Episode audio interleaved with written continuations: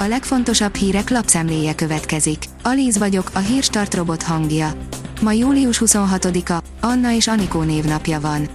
Tibor István is szerzőként van feltüntetve azon a könyvön, ami a cége által felújított belvárosi palota történetét mutatja be, írja a 444.hu. Kétnyelvű kötet készült az Adria palotáról, a téma szakértője mellett a miniszterelnök veje a társszerző. A G7 írja, van adószám nélküli, online nem rögzített, mégis szabályos számla. A jogszabályi lehetőség és a hétköznapi gyakorlat szétválásának tipikus példája ez, egyben a könyvelők és a cégvezetők rémálma.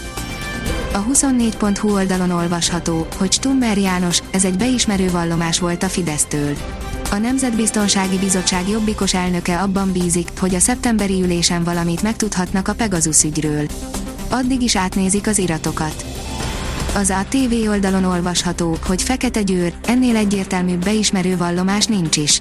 A Momentum miniszterelnök jelöltje Facebook oldalán kommentálta így azt, hogy a fideszes képviselők nem vettek részt a Nemzetbiztonsági Bizottság mai ülésén. A növekedés oldalon olvasható, hogy Matolcsi György szerint nem tartható a költségvetési hiány. A költségvetési hiány fenntarthatatlanságáról jelentetett meg újabb cikket Matolcsi György, a jegybank elnöke a Magyar Nemzet online kiadásában.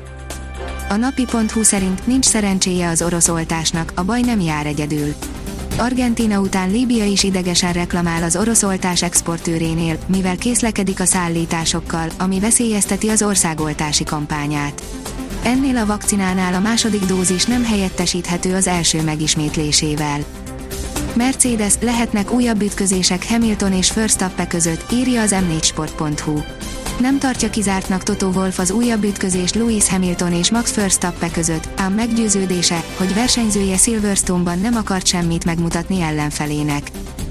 Az Autopro szerint a Toyota vezető kutatója szerint nem szabad túl hamar villanyautókra váltani. Gil Pratt szerint nem kell azonnal átváltani a tisztán elektromos autókra, vannak más alternatívák is. A vezes oldalon olvasható, hogy új pontrendszert vezet be a rendőrség. A száguldozók, a piroson áthajtók és más szabálysértések elkövetői helyett most a szabályosan közlekedőket pontozzák. A portfólió oldalon olvasható, hogy koronavírus újabb tartós tünetet azonosítottak a kórházban kezelteknél. A COVID-19-szel kórházban kezelt páciensek körében megugrott az újonnan kialakuló hiperglikémiás, magas vércukorszintes esetek száma és az állapot hónapokkal a megfertőződést követően is fennmaradt derül ki egy új tanulmányból. Covid és a Coca-Cola már túl sok volt a magyar Costa kafénak, írja a vg.hu. A félvárról vett márkajogok is biztosan közrejátszottak a kávéház csődjében, de inkább valószínű, hogy a semmiből jött búcsú a járvány számlájára írható. A 24.hu szerint megnyerte az olimpiát, de nem akart tovább élni.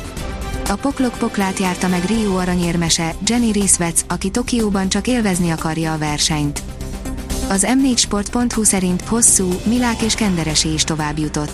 Sebestyén és Késely lecsúszott a továbbjutásról, a 17 éves Mihályvári farkas óriási egyéni csúcsa sem volt elég. A kiderül oldalon olvasható, hogy egy tájfun is tiszteletét teszi az olimpiai játékokon. A Tokióban zajló olimpiai játékok épp az ottani tájfun szezonban került megrendezésre. Ennek jegyében nem csoda, hogy egy viharpont a japán főváros közelében csap le. A Hírstart friss lapszemléjét hallotta. Ha még több hírt szeretne hallani, kérjük, látogassa meg a podcast.hírstart.hu oldalunkat, vagy keressen minket a Spotify csatornánkon. Az elhangzott hírek teljes terjedelemben elérhetőek weboldalunkon is. Ha weboldalunkon hallgat minket, az egyel korábbi adás lejátszása automatikusan elindul. Beállíthatja, hogy az összes korábbi adás, vagy csak az aktuális tematika hírei következzenek. Köszönjük, hogy minket hallgatott!